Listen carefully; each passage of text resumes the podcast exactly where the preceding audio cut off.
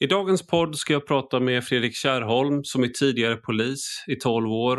Eh, han har jobbat både ute på fältet och mot den organiserade brottsligheten på nationell nivå. Han har även en masterexamen i kriminologi från Cambridge University och eh, han är idag analyschef på Säkerhetsbranschen som är en branschorganisation för 505 säkerhetsföretag. Och han håller just nu på att starta upp ett eget säkerhetsföretag men anledningen till att jag bjuder in honom till podden nu är bland annat sprängdådet i Göteborg och att han kandiderar till riksdagen för Moderaterna. Och som ni kommer att höra så är jag lite kluven inför det för jag tycker att Fredrik är en, eh, en frisk fläkt i debatten och jag tyckte väldigt länge tycker han är en frimodig röst som behövs. Eh, och jag en risk med partipolitik är att människor blir mer slätstrukna för att anpassa sig till partilinjen. Jag hoppas eh, att det inte sker Fredrik eh, och jag hoppas att, det, att han kommer in i riksdagen för jag tror verkligen att vi behöver politiker som har kunskap från de områdena som de vill förändra. Du lyssnar på Rak Höger med mig, Ivar Arpi.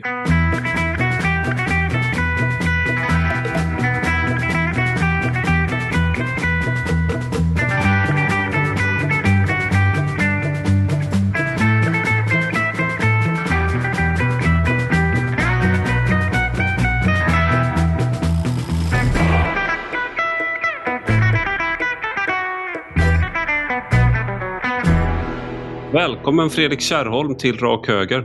Tack så mycket. Det var inte så länge sedan som du var här. Du var här i juli eh, och pratade om eh, Strandvägen och eh, det antisociala dominansbeteendet som de som körde dragracing på Strandvägen helt enkelt kom in från förorten. Ja, och problemet var ju större än, än bara folk som körde som galningar. Och problemet är heller inte isolerat till Strandvägen. Och jag hade ju länge skrivit om problemet med antisocialt dominansbeteende men det var en väldigt intressant observation att det här problemet nu så tydligt framträdde på Stockholms, huvudstadens främsta paradgata. Och det var en sak som in, inte kom med i podden tror jag, det var att du efterlyste de som kritiserade dig och kritiserade det du skrev om Strandvägen och tyckte liksom att du förstorade upp ett problem och överdrev och sådär. Eh, och att du kanske kände det var någon som antydde att du kände dig hotad i din manlighet och sådär. Det, det, det, var liksom den typen, den nivån på en del av eh, kritiken. Men då så bjöd du in folk att hänga med till Strandvägen. Mm. Eh, och det var ju en som faktiskt hakade på då också. Det var en, det. Ja. Det var det. Och då råkade det ju såklart bli så. Man, man, man har, man har, ibland har man otur. Så att just den kvällen när vi var ute och promenerade och gick så var problemen inte så märkbara. Dessutom hade restriktionerna lättat då, så det var liksom en mer eh, uppblandad miljö så att säga. Så att eh, det, det, blev ett, det, blev ett, eh, det blev lite av ett, ett fail. Men, men vi hade en väldigt intressant diskussion och, och eh, jag behöver inte nämna den personens namn, Eh, men det var kul och, och modigt att, att, han, att han träffades eh, face to face. Annars så, så tycker jag det var eh, värt att notera att ingen av de som hade så starka åsikter och var så kaxiga var intresserad av att faktiskt träffas på plats och diskutera och se hur det såg ut. Det är ju mycket jobbigare än att vara tuff på internet. Det är ju liksom, jag tror Mike, det var Mike Tyson, jag, jag, jag, säger inte att det här ska ske men Mike Tyson eh, sa nyligen, han har blivit ganska snäll, men han sa nyligen att vi har blivit alldeles för bekväma med att dissa folk utan att få en smäll på käften. Och det är ja. liksom lite samma sak, man, man, är väl, man, har, man vill inte ge sig ut på fältet och se hur det faktiskt är, man vill uttala sig Nej. om det bara. Ja. Och det, det, där, det där stör mig oerhört mycket, att det är så fånigt i sociala medier. Så många som, som spelar så, så tuffa som uppenbart eh, inte har så mycket att komma med egentligen. Um, och jag, jag, försöker själv alltid föregå med, med gott exempel och jag blir ibland, ibland anklagad bland annat för att vara brådmogen. Men, men nu börjar jag bli så gammal så, att, så att det är ju en komplimang att bli, bli kallad det. Det, ligger, det betyder per definition att man beter sig mer moget då än, än, än ens ålder eh, borde medge. Jag brukade skoja om det när jag var att liksom, jag hoppade över att vara man. Jag gick liksom från att ha en pojkkropp till att ha en gubbkropp på rekordtid. jag, jag gick liksom aldrig via manskropp. Liksom. Så jag gick från att vara för, för smal utan muskler till att vara för tjock utan muskler. Liksom. Och sen var det också, folk brukade alltid gissa min ålder. Så var det liksom så här, men du är 25 bara. Nej, jag är 30. Sen plötsligt började folk gissa på typ så här Ja, men antiklimaxet kommer liksom, eller klimaxet kom när Bosse Ringholm denna liksom åldrade socialadelsman, liksom, eh, alltså socialdemokratisk finansminister tidigare, han sa att vi var generationskamrater i en panel och jag blev helt så kränkt. Så jag var men jag är inte jag är bara så här, va? men du ser ut att vara jämngammal med mig. Och, så fick jag, och det här var på Timbro och hela liksom, rummet på Timbro skrattar med Bosse Ringholm som är känd för att vara tråkig mot mig eh, liksom, och min ålder. Men det var inte därför det, det var inte för att prata om hur, hur uh, smaltjock jag är som tanken Nej, in dig. Jag uppskattar, jag uppskattar ju din podd för att den är intellektuell men nu börjar, nu börjar det låta som en någon Alexander Schulman-podd här så vi kanske ska... Exakt. Det faktum är att Alex Schulman i sin senaste podd, eller om det var näst senaste, pratade om mitt luktsinne, men det är vid sidan av här. Anledningen mm. till att jag ville att du skulle komma hit är eh, väldigt tråkigt som ja. vanligt när jag bjuder in dig. Eh, vi pratar ibland annars också eh, och har trevligt, men oftast när vi pratar offentligt med varandra så handlar det om att det är tråkiga saker och nu har det varit det här sprängattentatet av allt att döma när vi pratar nu så vet vi liksom lite mer om den här bomben. Först trodde man ju att det hade varit ett eh, attentat mot, eh, som var gängrelaterat. Och eh, det var inte en så konstig tanke. Jag, jag tänker liksom att jag vet inte hur du tänker kring det här men när 9-11 hände så var de flest, så var det, är det väldigt många i efterhand, amerikaner och svenskar, som tänkte att det var en olycka först. När mm. första planet flög in i World Trade Center. Liksom en fasansfull olycka. Mm. Sen när det andra planet flög in i World Trade Center så, eh, så förstod man att det här är inte en olycka. Mm. Men just den här förinställningen som fanns då var väl på något sätt eh, det, fann, det hade ju skett ett tidigare attentat mot World Trade Center jag kommer ihåg en av mina kompisar kändes nästan profetisk. Han hade liksom ett utklipp på Osama bin Laden uppsatt eh, att han var sökt. Eh, men det var liksom från typ så 97 eller 98 eller någonting. Tidningsutklipp, svenskt tidningsutklipp. Så det fanns indikationer på det där eh, sen innan. Men nu, jag tror att för 20 år sedan så tror jag min första in, eh, instinkt hade varit att det är en olycka. Men nu så tänkte jag, det första jag tänkte nu var det är förmodligen ett gängrelaterat sprängdåd. Vilket inte är så konstigt för att till och med den 15 september i år så har inträffade 60 sprängattentat i Sverige. Mm. I fjol så inträffade 107 och 2019 var det lite fler, då var det 133. Nästan alla, i princip alla de här, har ju en koppling till kriminella nätverk eller åtminstone en en misstänkt koppling för att upp, uppklaringen är, är låg. Mm. Um, så det, det, det, var ju ett väldigt rimligt antagande. Mm. Um, jag störde mig lite på det offentliga samtalet på, på Twitter och sociala medier att det var många som menade på att vi måste vara jätteförsiktiga med att dra några slutsatser här och då menade man inte ens vad, vad, kan det finnas för, för eventuell gärningsperson utan finns det en gärningsperson överhuvudtaget? Man vill inte ens använda sprängattentat, man ville skriva explosion. Och det, kan, mm. det, det, väl, det kan väl vara liksom rimligt kanske att, att, att medier är förhåller sig avvaktande innan man har mer fakta på bordet. Och självklart ska ju polisutredningen bedrivas helt objektivt och förutsättningslöst och där ska inte göras några antaganden. Men jag menar, i, ett, i ett samtal människor emellan så, så måste vi utgå ifrån någon, någon, någon rimlighet. Och nu vet vi ju åtminstone att det var ett sprängattentat. Mm. Um, och det, är ju princip, det finns i princip bara två eller tre eh, typer av, av gärningspersoner. Eh, det är ju eh, olika typer av kriminella nätverk. Sen har du eh, terrorister och slutligen då den tredje kategorin är galningar. Eh, men den tredje kategorin är ju den ovanligaste. Sen, sen är det ju också så, de som var väldigt noga med att man inte skulle dra några förhastade slutsatser kring det här, är det är sprängattentat överhuvudtaget?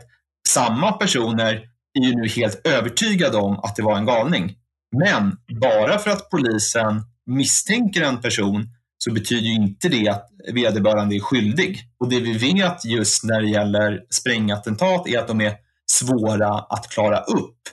Ehm, dels för att man ofta då placerar någon, någon låda eller någon väska ehm, och det är sånt som så att säga ingen lägger märke till så att det, det, det finns sällan vittnen som har registrerat någonting. Ehm, och på grund, det hör ju till sakens natur då, med detonationen så undanröjs alla eh, spår, DNA-spår eller, eller annat. Mm. Fingeravtryck. Så det, är, det, det är svåruppklarade brott det här. Jag tänker också att man, eh, jag minns när Utöja, när det skedde, jag jobbade, det var mitt första ledarvikariat på Hallandsposten 2011 och jag hade liksom skrivit en ledare klar. Eh, det här är inte, jag ska inte säga det att det var synd om mig med Utöja för att jag redan var klar med en ledare som jag fick vaska. Då. Utan det var bara att det var en väldigt stor händelse för mig för det var liksom, jag hade inte jobbat så länge och följde nyhetsutvecklingen och skrev en text och eh, jag tror att jag liksom hade formuleringen i den ursprungliga texten där jag om några formuleringar om att vi kan inte så här, dra alla muslimer över en kam eller något sånt där. Och sen så, alltså jag, i, på ett tidigt stadium och sen så redigerade jag bort det för att, just för att jag liksom eh, det, det, man kan inte spekulera på det sättet. Men jag, på Twitter då, när anledningen till att det smög sig in där tror jag det var att det var ganska många som skrev sådana här lugnande tweets. Så här, kom ihåg nu, alla eh, muslimer är inte islamister men alla islamister är muslimer. Dra inte alla muslimer över en kam. Och det var väldigt mycket liksom, och vi får akta oss för islamofobin och sådär. Så, så det var ju inte då att det fanns väldigt många som så att säga gjorde det med det man kallar för goda föresatser då av så här, ja, men det var fortfarande så att spekulationerna gick i den riktningen. Um, och eh, det, där, det där är ju liksom, när det sker ett terrordåd nu i Europa så, så tänker många att det handlar om islamism. Och man har fel ibland. Mm. Mm. Um, och nu verkar det som då att, som du var inne på, statistiken för sprängdåd i Sverige är förskräckande och liksom vad gäller granatvåld så kom det ju någon kriminologisk eh, studie, eh, Manierell eh, var involverad i den, som visar att vi låg på nivå med Mexiko just vad gäller liksom hur man använder granater. Jag vet inte om det, det var några år sedan nu, jag vet inte om det fortfarande stämmer. Men det är förskräckande statistik så det är inte så konstigt att tankarna går dit. Men jag tror att man i alla fall får sig en sån här tankeställare att det är tur att det finns en rättsstat där man utreder brott för att eh, förutsättningslöst. Ja. För att man helt enkelt, eh, de här sluts de för, så här, förhastade slutsatser har inte, är inte alltid fel. Eh, men, de, men, eller liksom sådär, men, men det kan bli fel. Och, och det är liksom ett av våra främsta civilisatoriska framsteg i mänskligheten, att vi har skapat en, en ordning där vi inte eh, slår ihjäl varandra baserat på rykten, utan vi har ordnade rättsprocesser och tillämpar en rättssäkerhet och vi har en oskuldspresumtion och det, det föregås av en förundersökning som, som sker objektivt och förutsättningslöst. Um, och det där, det där är oerhört viktigt att värna och upprätthålla. Men samma principer som tillämpas i, i så att säga, den rättsliga processen kan inte tillämpas i det offentliga samtalet. Det, det, det, det skulle så att säga, om man, om man samtidigt värnar eh, demokratin där det offentliga samtalet är en förutsättning, då måste vi ha lite större svängrum i det. Ehm, och, och, på motsvarande sätt måste man också göra skillnad på pressetiska regler är också viktigt att upprätthålla men, men, men var och varannan twitt, twittrare kanske liksom inte ska behöva rätta sig efter pressetiska regler. Ibland så, så, så, så, så tycker jag att det finns personer som eh, högst godtyckligt dock eh, avkräver andra att, att efterleva eh, rättsprinciper i det offentliga samtalet och det är inte helt rimligt tycker jag. Men det finns en jag vet inte om du håller med mig här, men jag, det, jag, det låter som att du nog håller med mig, men att det finns liksom en känsla ibland att de här etablissemangspersonerna som finns då på etab i etablerade medier eh, och jurister och liknande, att man nästan är så här, så fort en sån här händelse sker så får jag en känsla av att de loggar in på Twitter för att fördöma. så att de är liksom nu är, någon, nu är det någon som spekulerar här. Nu måste, jag så här, nu måste jag rappa dem på fingrarna snarare än att tänka att det här den här människan som sitter här uttrycker en oro och en kanske legitimt utifrån liksom rent statistiskt att det förmodligen ligger till på ett visst sätt. Ja, och det, och det jag menar med att det, var, att det är lite godtyckligt också vilka principer som tillämpas. Det, det har vi sett många exempel på. Eh, när ett, ett, en stackars pojke blir, blir meddragen av sin far på, på en livsfarlig färd över, över Medelhavet och, och därvidlag omkommer och spåras ut på stranden. Mm. Då, finns det, då finns det inga moraliska betänkligheter kring att sprida den bilden och eh, politisera det. Men när en polisman skjuts ihjäl i Göteborg, då helt plötsligt tycker samma personer att det är eh, väldigt olyckligt att, att man ska ha överhuvudtaget någon politisk diskussion kring den, där, den, den händelsen. Så att det, det, det här hyckleriet, det, det, det är oerhört eh, irriterande ofta tycker jag. Jag ska nämna nu, vi har egentligen kanske gått för länge för att nämna det här, att en annan anledning till att jag ville ha hit dig är att eh, du har bestämt dig för att kandidera till riksdagen för Moderaterna. Du, eh, när, när det här sänds har du släppt in eh, valfilm som riktar sig till, eh, till, till. Alla, alla egentligen, men, ja. men just nu så, så pågår ju ett internt val i Moderaterna mm. kring vilka ska då representera Moderaterna och stå eh, valbara på riksdagslistan. Och hur, hur, går det här eh. till? För oss som då aldrig har varit inne i partipolitiken så är det så här, eh, så, så, är det flera led som man ska gå igenom då. Vad är det för led du behöver passera för att, för att hamna i riksdagen? Alltså, för, först och främst måste, måste man ha eh, förutsättningar. Och de, de flesta som, som kandiderar till riksdagen har en, en, en lång eh, bakgrund och arbetat länge i, i politiken. Um, och, och det där är egentligen inte det där är egentligen inte så konstigt, det är ganska naturligt. Men det går ju också att ge sig in i politiken genom att ha ett annat ha, genom att ha haft ett annat tydligt samhällsengagemang eh, och någonting att komma med. Och där så har jag skrivit om de här frågorna om, om brottsligheten sedan jag började skriva i Svenska Dagbladet 2012. Och då, mm. ska, mm. då kan vi lägga till som en parentes, då var intresset ganska litet. Jag var en av dem som väldigt tidigt varnade för den här utvecklingen och blev anklagad för att vara alarmist eh, och spela på främlingsfientliga krafter och så vidare. Det var jätteskönt när, när jag jobbade på Svenska. Jag började lite senare då som vikarie 2013 när du skrev dina texter för att det var ofta liksom, annars var det jag som var eh, måltavlan. Men så fort du skrev så, blev det, så rasslade det till i läsningen och blev väldigt välläst. Så då kom du in liksom och tog över som måltavla där. Så det var väldigt skönt att du avlastade hela tiden med dina krönikor när vi, när vi körde samtidigt. Ja, och oh, nu... Skönt, och nu, Fredrik skrivit. Och, och, och nu, den typen av analyser och politiska förslag, de är helt okontroversiella idag.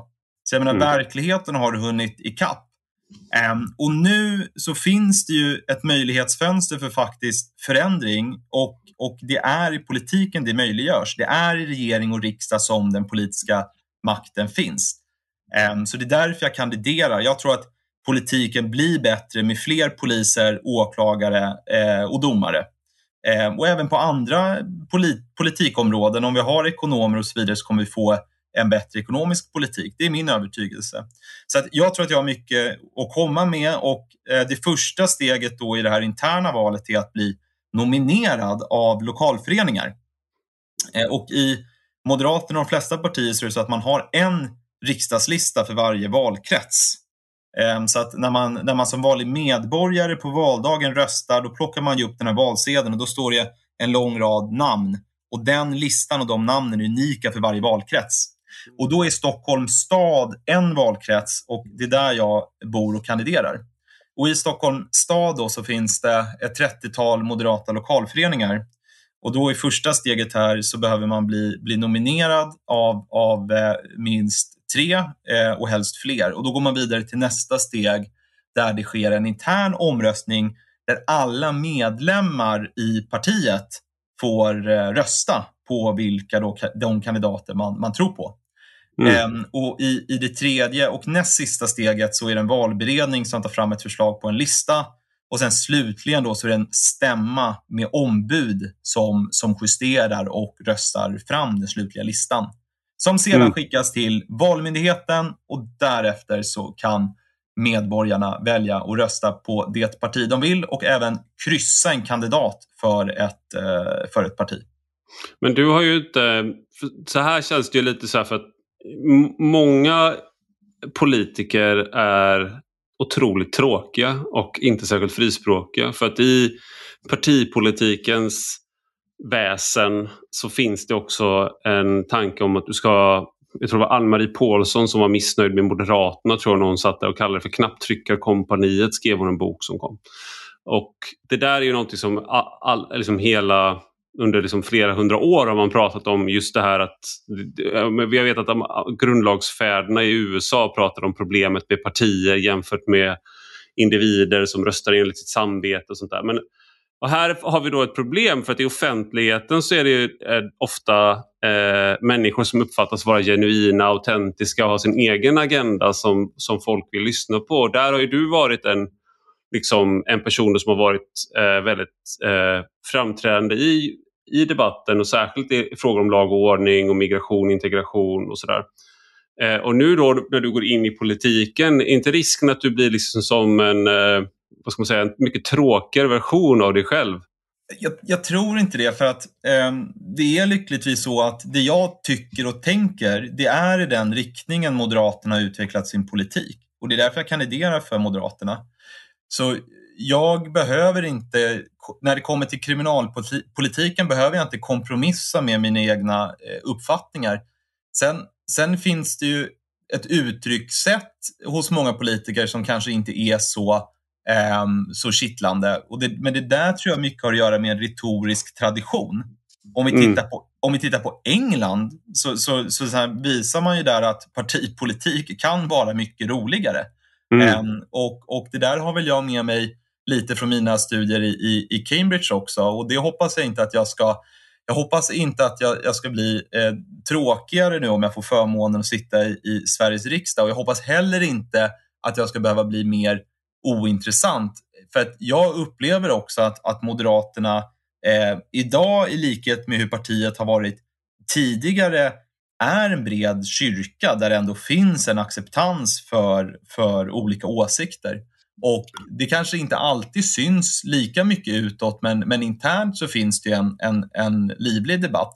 Sen under en tid då, under Reinfeldt och då, där jag faktiskt var aktiv i, i politiken kan, kan jag ju medge, då, då, fanns, då var det väl ett lite annorlunda klimat men, och lite mer toppstyrning. Men det var, det var ett, ett, ett, ett undantag i, i, i den moderata partihistorien skulle jag vilja påstå.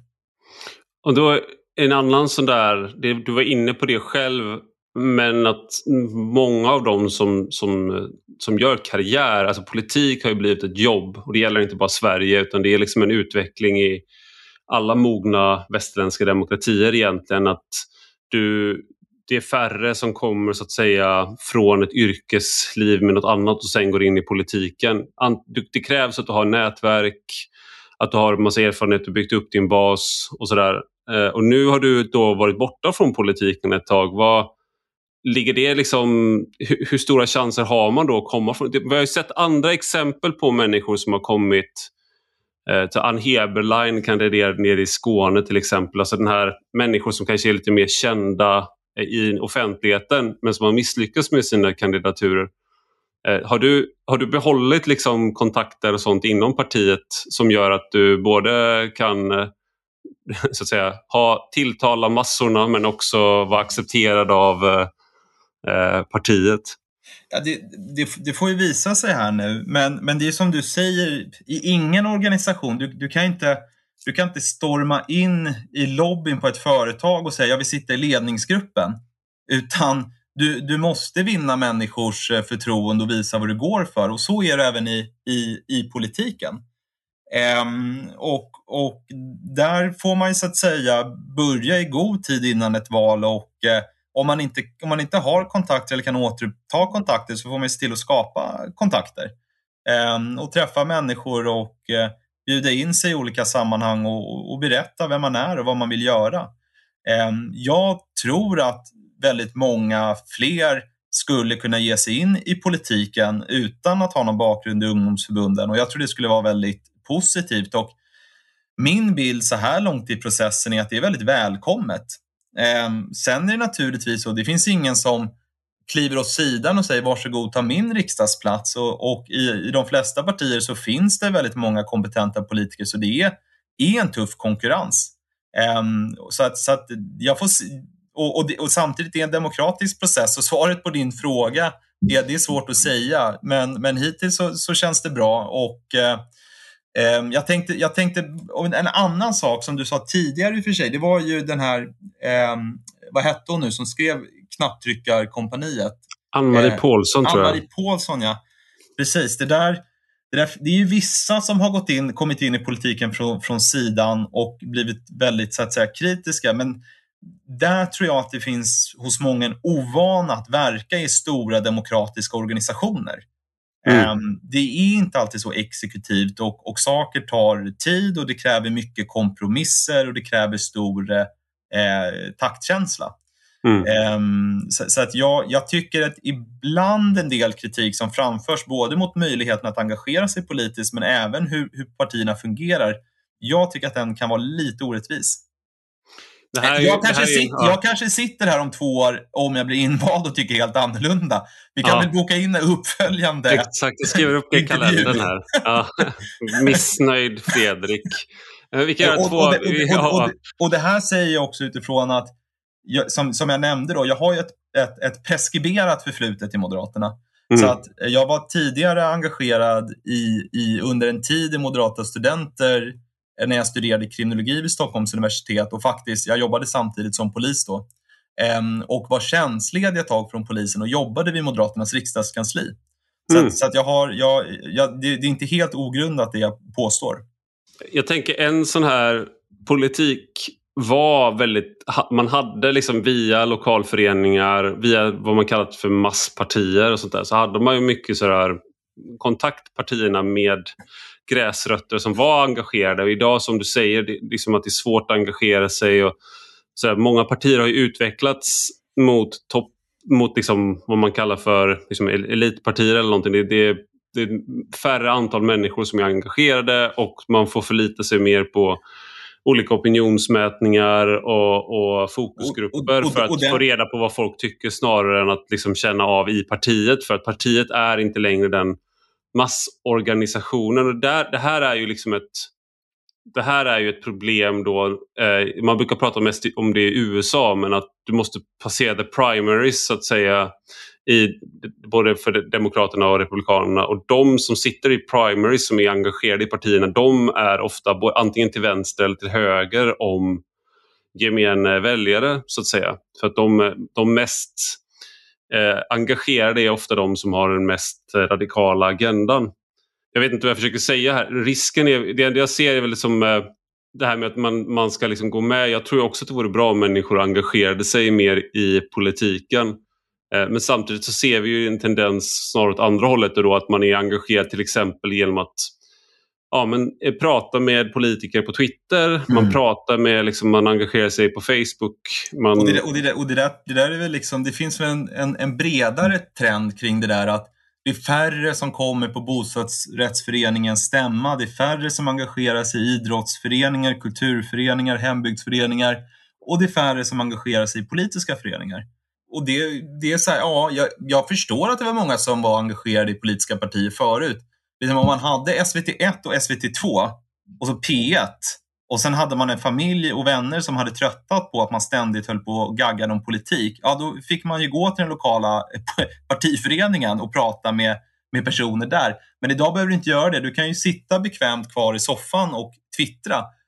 Um, så, så, det är väl en, en ganska naturlig utveckling. Men jag tror att, att jämförelsen med USA haltar lite för att vi har fortfarande ett relativt starkt föreningsliv i Sverige och det återspeglas även i politiken eh, där det finns många aktiva och många kloka personer. I, i min lokala moderatförening eh, där jag bor på Östermalm så ordföranden är, är hög chef i en stor bank i Sverige. Det finns väldigt många kompetenta personer som, som engagerar sig idealistiskt och åtminstone i Moderaterna så har jag ännu inte sett någon tendens kring att, att, så att säga, det är de mest radikala som, som engagerar sig eh, politiskt.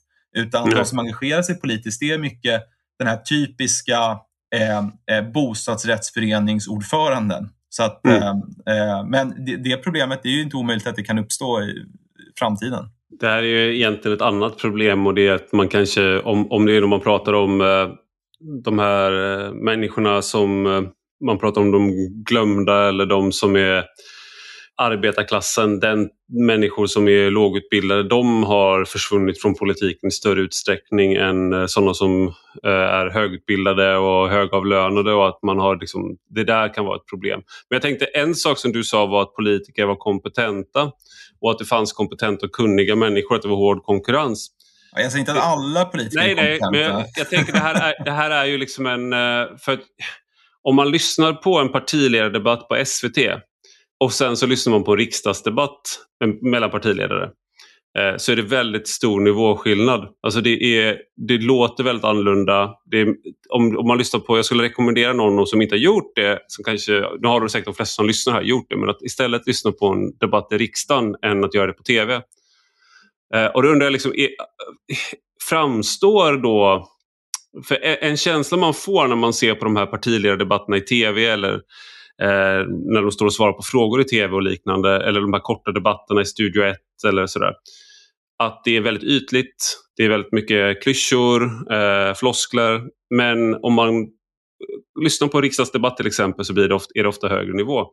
Mm. Har, har vi en för negativ bild av polit, våra politiker eh, i Sverige skulle du säga generellt? Jag, jag, tror det. Jag tror att politiker inte alltid framställs på ett rättvist sätt. Dels genom de här tv-debatterna. Vi har alldeles för många partier i Sverige. Det är åtta partier och även om man har två timmars sändning så ska man gå igenom många ämnen och det blir väldigt upphackat och kort. Um, och politikerna... Så, du, så, det du säger, så det du säger är att du vill avskaffa Miljöpartiet? jag skulle... Jag, eh, jag skulle se fram, jag ser fram emot att jag har en, en champagne på kylning Ja. Eh, som, som, eh, och jag har varit väldigt förutseende där, så, så det, det är en champagne som ska lagras. Så den har legat länge i mitt kylskåp och flyttat, vi har, vi har ju flyttat runt lite, så den har fått följa med. Eh, men nu så hoppas jag kommande val att den ska korkas upp. Eh, Underbart. Ja, och det är möjligen något ytterligare parti som skulle kunna ryka från riksdagen. Eh, men, men, men, nej, men och de här debatterna då, det, där tror inte jag parti, partiledarna riktigt kommer till sin rätt och du måste förhålla dig till att eh, eh, det finns också många tittare som, som har väldigt liten förförståelse och, och som, kan, eh, som, som, som, som är också de mest lättrörliga väljarna. Eh, och det är en konsekvens av det höga valdeltagandet i, i, i Sverige. Eh, och sen så mångas uppfattningar av, politik, ja, av politiker, det är också hur de, hur de framställs i tidningar och då uppstår ett journalistiskt filter. Och eh, det finns ju också, eller det fungerar ju så i Sverige att man måste vara väldigt försiktig när man talar med, med journalister. Eh, nu har vi ett avspänt samtal här, men jag blev intervjuad av Dagens Nyheter om min kandidatur. Mm. Ehm, och då kände jag åtminstone, det kanske var lite överdrivet, men att man är på helspänn. För att, jag menar, ett, ett felaktigt ordval så, så kan det hållas emot den. Och det spelar mm. ingen roll vad du egentligen menar. Utan Nej. har du en detalj fel, säger du en sak fel, så finns det många som med glädje kommer att eh, eh, missförstå dig. Mm. Välja att Just missförstå dig. Så att jag, jag, tror att vi också har ett, ett, ett, um, ett klimat i, i ett, ett, ett medieklimat i Sverige där, där politiker tvingas vara väldigt strama. För det här är också en sån där, eh, å ena sidan så saknar, eh, uppfattar jag det som, man saknar politiker som eh, är, upplevs som handlingskraftiga, självsäkra, kan staka ut vägen och göra det som krävs. Och så mm. har vi fått en, en politikerstil som snarare är så att säga moraliserande och fördömande. Så att man säger det här klassiska som har blivit som en, ett skämt här att Stefan Löfven säger att saker är oacceptabelt. Ja. Och anledningen till att det blir ett skämt är ju att okej, okay, det är oacceptabelt.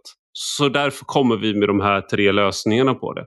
Mm. Men för det är liksom någon som leder utvecklingen. Men istället blir det den här reaktiva politiken mm. som är på något sätt att man vill visa att man eh, inte heller gillar det man ser. Och, och, det, där, eh, det här, och, det, och det här stör mig något oerhört alltså att, att, att det blir så att säga det kommer politiska förslag efter den här typen av händelser vi har sett nu i Göteborg. Återigen, det är ingen singulär händelse. Det här mm. mönstret är jättetydligt. Det har varit tydligt oerhört länge. Då mm. måste man kunna vara rakryggad och föra en politik man tror på. Och när någon sån här händelse inträffar så förklarar man helt enkelt den befintliga politiken. Ja, det, det provocerar mig något, något oerhört när, när det sker så att säga, någon form av politisk kursomläggning på, på grund av den här typen av eh, spektakulära händelser. Det man vill ha är, och det här jag tänker då att eh, politiker är, jag upplevs, jag tror att vi, vi befinner, politiker upplevs som rädda för, som du säger, för det mediala. De är rädda för att de vet att om de säger någonting fel, gör någonting fel, gör ett utspel eh, och sen blir grillade i media så kan det kosta, kosta dem deras karriär. Ja, och så, så, så den rädslan och försiktigheten är ju rationell. Och just på grund av att många i politiken har varit i politiken hela livet så är det ju en hel del som inte har någonting annat att falla tillbaka på. Och, och då mm. blir man ju beroende av, av att, att, att hålla sig kvar i, i, politiken och då kan väl det göra att, att många väljer så att säga en lågriskstrategi och det bidrar väl till det här du beskrev tidigare att politiken i Sverige inte känns så, så sexig. Men men, men jag tror återigen, framförallt tror jag det handlar om en retorisk tradition mer än någonting annat. Men jag, Eller avsaknad av retorisk tradition rättare sagt. Ja, nu har jag ju sett din eh, valfilm och den är ju väldigt, du, du är ju väldigt vältalig. Eh, och Tack. Det är ju någonting som Alltså man, man är lite svält, nu ska jag vara elak, men det, man är lite svältfödd på det efter att ha haft Stefan Löfven som statsminister i, i åtta år. Det är så här, el, så här lyteskomik, men det är problematiskt tycker jag man ska prata om att i Sverige pratar vi svenska och sådana saker när inte vår statsminister kan sätta ihop en mening korrekt. Eh, men jag tänker en, en, en sak här, du var inne på, också, en, en sak som jag tycker är problematiskt med svensk politik det är att eh, det, händer, det, det, är just det här att det händer saker, eh, händer saker mot politikerna nästan. Så de blir nästan kränkta av verkligheten. Och det, det, är väldigt svårt för, för dem att, upp, liksom, att man får det här status quo-känslan av att det, det här sättet som vi gör på, vi kan göra, röra oss i myrsteg i olika riktningar. Jag tror du tog upp det i, eh, i din bok Angstervåld. Eh, att liksom, när man höjer straffet för vapenbrott så är det liksom i några månader i realiteten. Mm. Det är liksom den typen av, nu har vi höjt straffen, nu har vi gjort de här sakerna. Medan det, när du, det du tog upp nu tidigare när vi pratade här, liksom vad, vad man skulle behöva göra, till exempel att man inskränker offentlighetsprincipen. Att eh, alla tjänstemän har skyddad identitet. Eller att du, liksom, att du gör den sortens ganska eh, jag, jag, vill inte säga drastisk för att det får det låta som att det är rationellt. För det är rationellt och det är det här som är den här typen, men, men att det finns en eh, tröghet i svensk politik som jag inte upplever att du har i hur du liksom närmar dig de här frågorna men som jag upplever att svensk politik har. Det är det här jag tänker att... Ja, det, jag skulle säga att det finns en oförmåga. Ja. Eh, ibland, ibland förundras jag över mycket av det som åstadkoms på 1900-talet i svensk politik. Hur man byggde ut socialförsäkringssystem, man byggde motorvägar och så vidare. Och idag så kan vi liksom hålla på att debattera en enskild järnväg i 10-20 år. Mm. Um, det är en oförmåga och det där är det är också intressant det du sa, liksom att, att det här beskrivs som någonting drastiskt. För det, är ett, det, det, det, där är ju ett ordval då som meningsmotståndare använder. Jag efterfrågar ju en, en, en, en rimlig och rättvis kriminalpolitik. Ehm, du har också rätt i att det liksom sker ett duttande hela tiden och det har jag upprepat i leda. Så det vi behöver är ett systemskifte i kriminalpolitiken. Men jag tror också att vi behöver ett skifte i mentalitet. Och både skiftig mentalitet hos politiker, inom rättsväsendet, men också i samhället i stort. Det finns alldeles för mycket daltande och överseende som vi måste göra upp med. Ehm, och då finns det en del som tycker att det där låter liksom auktoritärt och läskigt. Ehm, men, men jag menar att, att eller i mitt drömsamhälle, så här, om vi konkretiserar det lite, i mitt drömsamhälle så vill jag ha fler poliser och poliser som är artiga och korrekta och vänliga mot hedliga medborgare. Och det mm. finns ingen motsatsförhållande mellan att vara det och tillämpa nolltolerans och sätta hårt mot hårt. Du kan ha en trevlig polis i skärmössa som stoppar en gosse som cyklar på torget och lägger vänligt handen på axeln och säger Hej lille vän, du får tyvärr inte cykla här, du måste leda cykeln. Och du kan samtidigt ha samma polis som har befogenheter att när någon kör som en galning på Strandvägen eller någon annanstans eller spelar hög musik från sin bil, att helt enkelt beslagta den bilen eh, utan pardon och sen får vederbörande gå hem. Och då får det gärna regna. Sen mm. har man löst alla de här ordningsproblemen. Det är inte svårare än så. Och det är här jag menar att vi måste ha lite en annan mentalitet, lite jävlar anamma. Vad var det? Theodore Roosevelt, amerikansk president, han, sa, han sammanfattade den amerikanska, sin vision för amerikansk utrikespolitik var “Speak softly and carry a big stick”. Ja.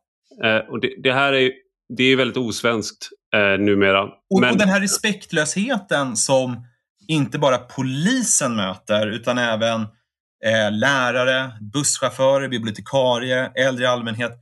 Den respektlösheten, den från, framförallt från unga, men inte bara unga utan även vuxna människor.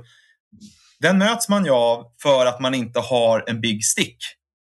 Um, så att, så att det, det, det, är det som saknas på, på, i, i, på, i många domäner helt enkelt.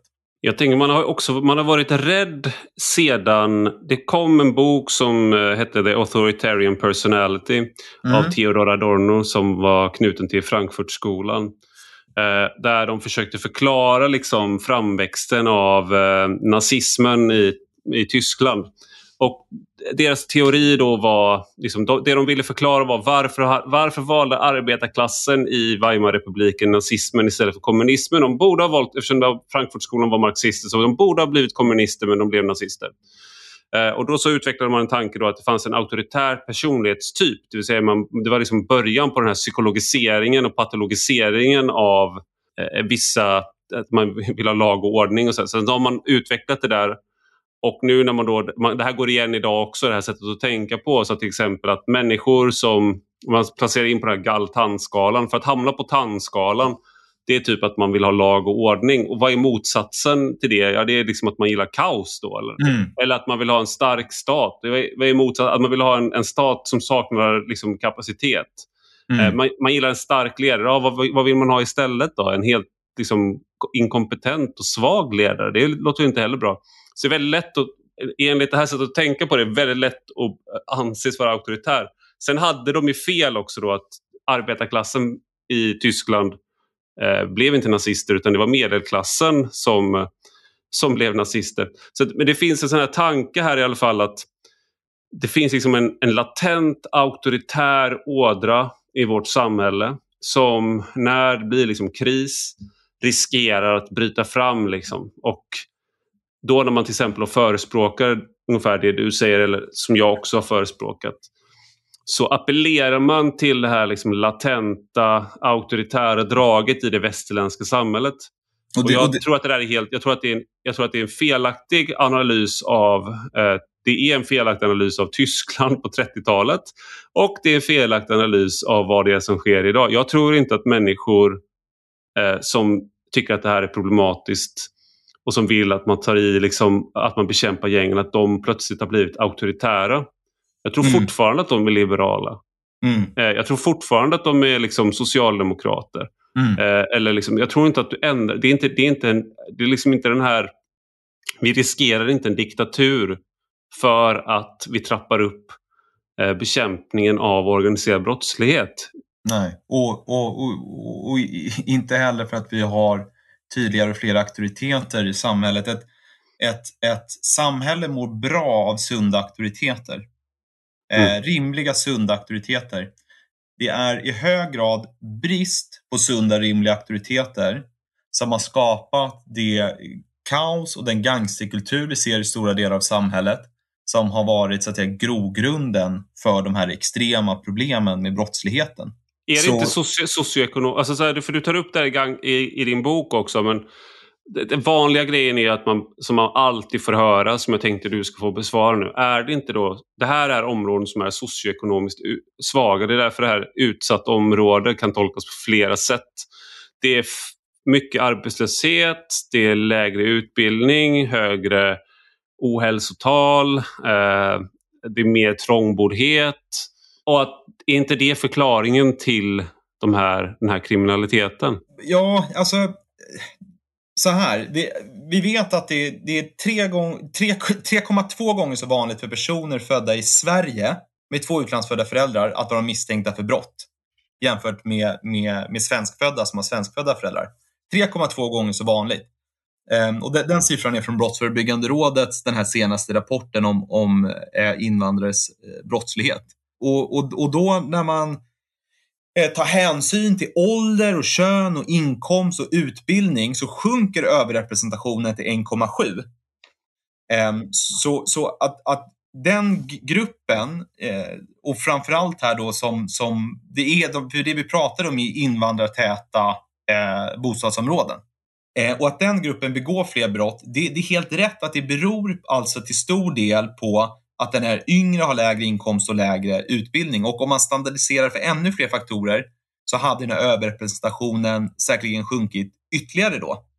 Eh, och det här får ju vissa att vilja tona ner betydelsen av invandring och kultur och man vill istället fokusera då på sociala faktorer och materiella omständigheter. Och Fler fritidsgårdar är det ja, klassiska. Och, och apropå eh, eh Alexander Eh, Schulman, så, så, han skrev ju här då efter den här BRÅ-rapporten att, att eh, eh, eh, precis det här med socioekonomi, han använde inte det ordet, men, men det var den förklaringsmodellen han framförde. Men invandring och socioekonomi är inte motsatta förklaringar.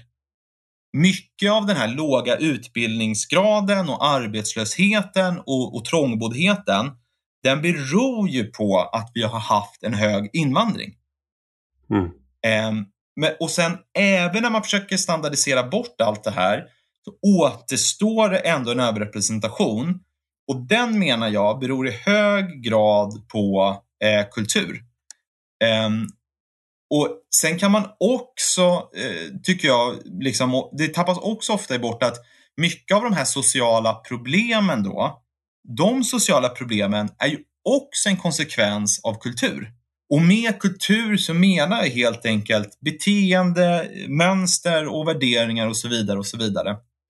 Sen, sen vill jag också understryka då när jag håller på att problematisera kultur att det stora problemet är inte eh, utländska kulturer och, och, och, det går överhuvudtaget inte att generalisera med utländska kulturer för det är så oerhört stor skillnad på dels vilket land man kommer ifrån, vilken del av det landet, vilken klasstillhörighet man har haft i det landet och så vidare. Det stora problemet i Sverige är den här förortskulturen, gangsterkulturen som har vuxit fram i Sverige. Och mm. den är en mix av flera utländska kulturer den har element från den svenska majoritetskulturen men framförallt element från den amerikanska hiphopkulturen. Förnedringsrån, de här skottlossningarna, bombattentaten, de grova stölderna, gruppvåldtäkterna. Ingenting av det kan förklaras med materiella omständigheter utan det förklaras helt enkelt av vilken moral och vilka värderingar människor har. Vilken typ av beteende som man kan rättfärdiga för sig själv och vilken beteende som, som så att säga accepteras eller rättfärdigas av den omedelbara omgivningen. För, för i grund och botten är det så Förnedringsrån ger inte, gör, om, om du förnedringsrånar någon så ökar inte det dina chanser att bli förtroendevald i Moderaterna. Det är, inte, mm. det är vissa, vissa beteenden premieras Nej, och, och, i, i, vissa kontexter precis. och inte i andra. Och, och, då, och då kan man säga så här, ja vadå förnedringsrån, det är väl bara enstaka galningar. Nej, du hade en, en, en relativt känd rapartist som, som av olika skäl hamnade i onåd hos eh, ett, ett kriminellt gäng. Eh, och de misshandlade honom och urinerade på honom och filmade detta och skrattade. Mm. Eh, så att, så att det finns många av de här dåden som tidigare har betraktats som rena vansinnesdåd som har utförts av personer med, med någon form av psykos eller under narkotikapåverkning, en snedtändning, utförs nu av flera personer i grupp i samförstånd. Just, det här att man lägger ut, just det här att man lägger ut i sociala medier är ja, också ett tecken på vad, att det handlar om någonting man vill visa upp. Precis, och det här måste liksom förstås i en, i en kulturell, eh, kulturell kontext. Eh, sen, sen så är det såklart så att, ja men vad är det som har gjort att den här gangsterkulturen uppstått då? Jo, men det beror ju på att vi har haft en kraftig segregation. Det beror naturligtvis på trångboddhet att, att det har varit, och liksom demografi. Det har varit många unga som har hängt på på, på gårdarna och, och, och torgen och det har blivit någon form av flugornas herre i, i urban miljö. Så det finns ju en växelverkan mellan det, det kulturella och socioekonomiska. Så det finns, det finns med risk för att låta som en tråkig kriminolog, så det finns liksom inget enkelt svar på det här.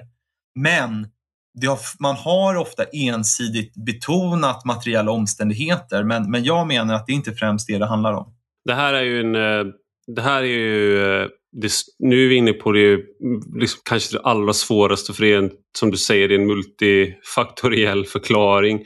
Men hur den här kulturen uppstår. Jag, jag följer en eh, före detta kriminell som har eh, begått grova brott och lämnat det bakom sig. Eh, han har lagt upp väldigt intressanta trådar där han spårar liksom han är inte ensam om det här, men han, just att när han var brottsaktiv som mest på liksom på 90-talet. Strax innan det så kom liksom hiphopkulturen till Sverige och det var då man började dela upp sig i bostadsområden. Man började, det var då det började på det sättet, den typen av territoriell amerikansk kultur. Alltså det, det finns liksom en, en idé, eh, man, man, man har anammat idéer från USA. Jag tänker att just den gatukulturen från USA blandas med då det här utanförskapskänslan som särskilt andra generationen upplever. Eh, och det går igen även i Frankrike, Storbritannien. Det finns liknande mönster där även om de inte har lika mycket skjutningar och sprängdåd. Men det där möter i Sverige kanske liksom en kultur som är extremt dåligt lämpad för just det här. För man är väldigt, just de här, eh, har svårt att sätta hårt, man tror på samtal, mm. man tror på liksom eh, jag pratade med en, eh, en, en, bekant som jobbar i frivården där de liksom ska skriva behandlingsplaner för kriminella. Uh, och hon, hon, sa liksom att uh, det, man kan inte jobba längre än fem år om man inte har konstiga värderingar för att det vi gör är liksom, ger inget resultat. Dessutom kan man bli dödshotad uh, och det, är liksom, det får inga konsekvenser för den som gör det. De kan bara säga att jag var lite arg liksom, mm. nästa gång. Det är mm. helt okej. Okay. Mm. Du har liksom sån där, och det där är så etablerat så att om du försöker liksom att, eh, som det, du blir dödshotad eh, av den du då ska skriva en behandlingsplan för. Och sen så går du till din chef. Då. Det här är anekdoter, anekdotiskt, men du går till din chef. Så blir det nästan jobbigt för chefen. Alltså, jobbigt, varför, varför är det till besvär? Det här är så det är. Liksom. Så här är det att jobba här. Och det här tycker jag går igen på så många områden. Liksom, att vi, vi har en sån här, som du säger, att det krävs verkligen en så här, ändrad mindset. Liksom. Att okej, okay, du, du dödshotar en polis. Du får konsekvens direkt. Du dödshotar någon som sitter på andra sidan bordet i frivården. Du får en konsekvens direkt. Det här, på varenda område så måste det ske en förändring om det ska om man ska kunna få bukt med de här sakerna. Absolut, absolut. och det mentalitetsskiftet att vi vi, vi, vi, behöver liksom både en starkare polis och ett starkare samhälle och vi behöver skärpta straff. Det, det är en grundförutsättning för allting annat. Mm. Um, så absolut, det är många som säger det. Det, det. det, räcker inte. Och nej, det gör inte, men det är en grundförutsättning. Och sen, sen är nu, det finns liksom inget motsatsförhållande mellan att vi har en mer repressiv och offensiv kriminalpolitik och att vi faktiskt jobbar förebyggande med olika sociala insatser på ett smart sätt som som angriper de här kulturella och värderingsproblemen som finns. Eh, någonting som, eh, alltså som är slående då när man uh, följer dig i sociala medier och uh, du har jobbat som polis, du jobbar för säk branschföretag, säkerhetsföretagen. Jag håller på att starta upp ett för säkerhetsföretag nu också faktiskt. Så, så att den här kandidaturen har jag egentligen inte tid med men jag känner att de, de här frågorna är så viktiga så jag känner nästan en... Och det, en, en avgörande faktor som gjorde att jag kandiderade faktiskt, det, det var när polismannen Andreas Danman sköts i somras. Mm. Då kände jag nu, nu får det vara nog. Nu måste jag eh, göra någonting mer. Förlåt, jag avbröt dig. Du ville ställa en fråga. Nej, det, nej men det, var, det var bra. Det, var, det där borde jag ha frågat. Eh, det där borde du ha sagt eh, inlett med. få, klipp, få klippa in det till början där. Och så ja. Nej, men det, det jag tänkte säga var att är du, och sen om man kollar på din, din eh, kampanjfilm eller, eller sådär, så är du en enfrågeperson då? Är det, är det bara lag och ordning liksom, eh, som Nej, är... Jag, jag har, jag, när jag skrev, eh, när jag hade ett vikariat på Svenska Dagbladets ledarsida, så skrev jag om alla möjliga eh, frågor. Eh, och eh, även när jag jobbade på Moderaternas riksdagskansli och ett tag var jag även engagerad i kommunpolitiken i Sundbyberg och satt i, i kultur och fritidsnämnden. och faktiskt kulturpolitik och inte minst arkitektur är, är frågor som ligger mig varmt om hjärtat. Men ungefär sedan 2013 när de här problemen med brottsligheten för mig och många andra initierade blev väldigt tydliga så har det inte funnits någon viktigare fråga att skriva om. Så jag har ägnat all min, mitt fokus eh, och min, upp, min, min, min energi till att uppmärksamma den här jag kan liksom inte, jag har inte kunnat skriva någon artikel i Access om arkitektur när, när vi liksom har det här, eh, det här aggressiva cancern på samhällskroppen som successivt tränger in i den friska vävnaden. Eh, mm. Och jag menar ju att den här brottsligheten den är ett akut hot mot vår demokratiska och civiliserade samhällsordning. Det där kan låta som så väldigt stora ord, men apropå det här med att poliser blir hotade. Nu vet vi ännu inte. Det kan ha varit så att det var en polis eller något annat vittne som var måltavla för den här sprängningen. Det hade inte varit första gången. Um, så, att, så att den här typen av grov organiserad brottslighet den hotar faktiskt vårt samhälle så som det fungerar. Mm. Och nu som sagt har ju liksom verkligheten börjat hinna ikapp. Men jag upplever fortfarande att det saknas eh, sense of urgency. Jag, jag upplever att det är väldigt mycket politiskt taktiserande och mindre av en genuin oro över hur allvarligt läget faktiskt är. Så att, så att absolut, jag, jag har liksom ett brett politiskt engagemang men, men det överskuggas helt av den här frågan. Alltså jag vet ju det eftersom vi pratar om annat när vi pratar men eh, det, det, är en, det jag tänkte är också, det här har vi varit inne på flera gånger nu, jag ska, jag ska låta dig gå alldeles strax men eh, att man vill ju ha, eh, man brukade säga om George W Bush att han, han kunde ingenting så att han fick förlita sig jättemycket på sina rådgivare. Han hade bara pluggat juridik på Harvard så han var ju en dumskalle. Liksom. Exakt, han var jättekorkad. Eh, ja, Texas ja. Jag, jag, gillade hans, jag gillade hans compassionate conservatism. Jag tyckte ja. det var en väldigt sympatisk och rimlig inriktning. Um, och jag är väldigt ideologisk, så jag sympatiserar starkt med Moderaternas liberalkonservativa utgångspunkt där min betoning kanske ligger på det konservativa. Um, och, och det, det, är också en av anledningarna till att jag väljer att engagera mig just i, i Moderaterna. Um, det är, inget parti är perfekt. Jag hade önskat att det fanns ett Fredrik-parti, men, men, men Moderaterna i grunden är ett väldigt rimligt, eh, väldigt rimligt parti. Och jag, och jag kandiderar inte för den politik som partiet har bedrivit utan för att partiet idag har den politik och den förmåga som, som behövs. Och det säger jag också i min, i min valfilm. Ja, det känns lite som eh, att eh, förlora en eh, frimodig borgerlig röst till eh, partipolitiken. Men eh, jag hoppas verkligen att du, att du kommer in i riksdagen och att du eh, inte förändras eh, för mycket av, av det och blir en jättetråkig version av dig själv. Eh, jag, jag, jag, förstår din oro, men eh, jag eh, skulle bli väldigt förvånad och besviken på mig själv om jag lät mig förändras på det sättet. Eh, och du, får, du får göra så. Vi får träffas här. Om jag nu får förtroendet från både Moderata partimedlemmar och väljarna eh, får det förtroendet att bli invald i riksdagen så kommer jag gärna tillbaka om ett år och så får du eh, utvärdera mig och se hur det har gått. Det låter bra. Stort tack för att du var med i Rak Höger och lycka till Fredrik Kärrholm. Tack så mycket. Och stort tack till dig som har lyssnat. Detta är alltså en del av en större publikation på Substack med samma namn som podden. Den som prenumererar där får två texter i veckan utöver den här podden varje söndag. Gillar man det man läser och hör så får man gärna bli betalande prenumerant för 5 euro i månaden eller 50 om året. Och då får man också ta del av lite extra material som är exklusivt för betalande prenumeranter. Du hittar rubbet på ivararpi.se. Och har du några frågor eller synpunkter kan du alltid mejla mig på ivararpi Vi hörs om en vecka.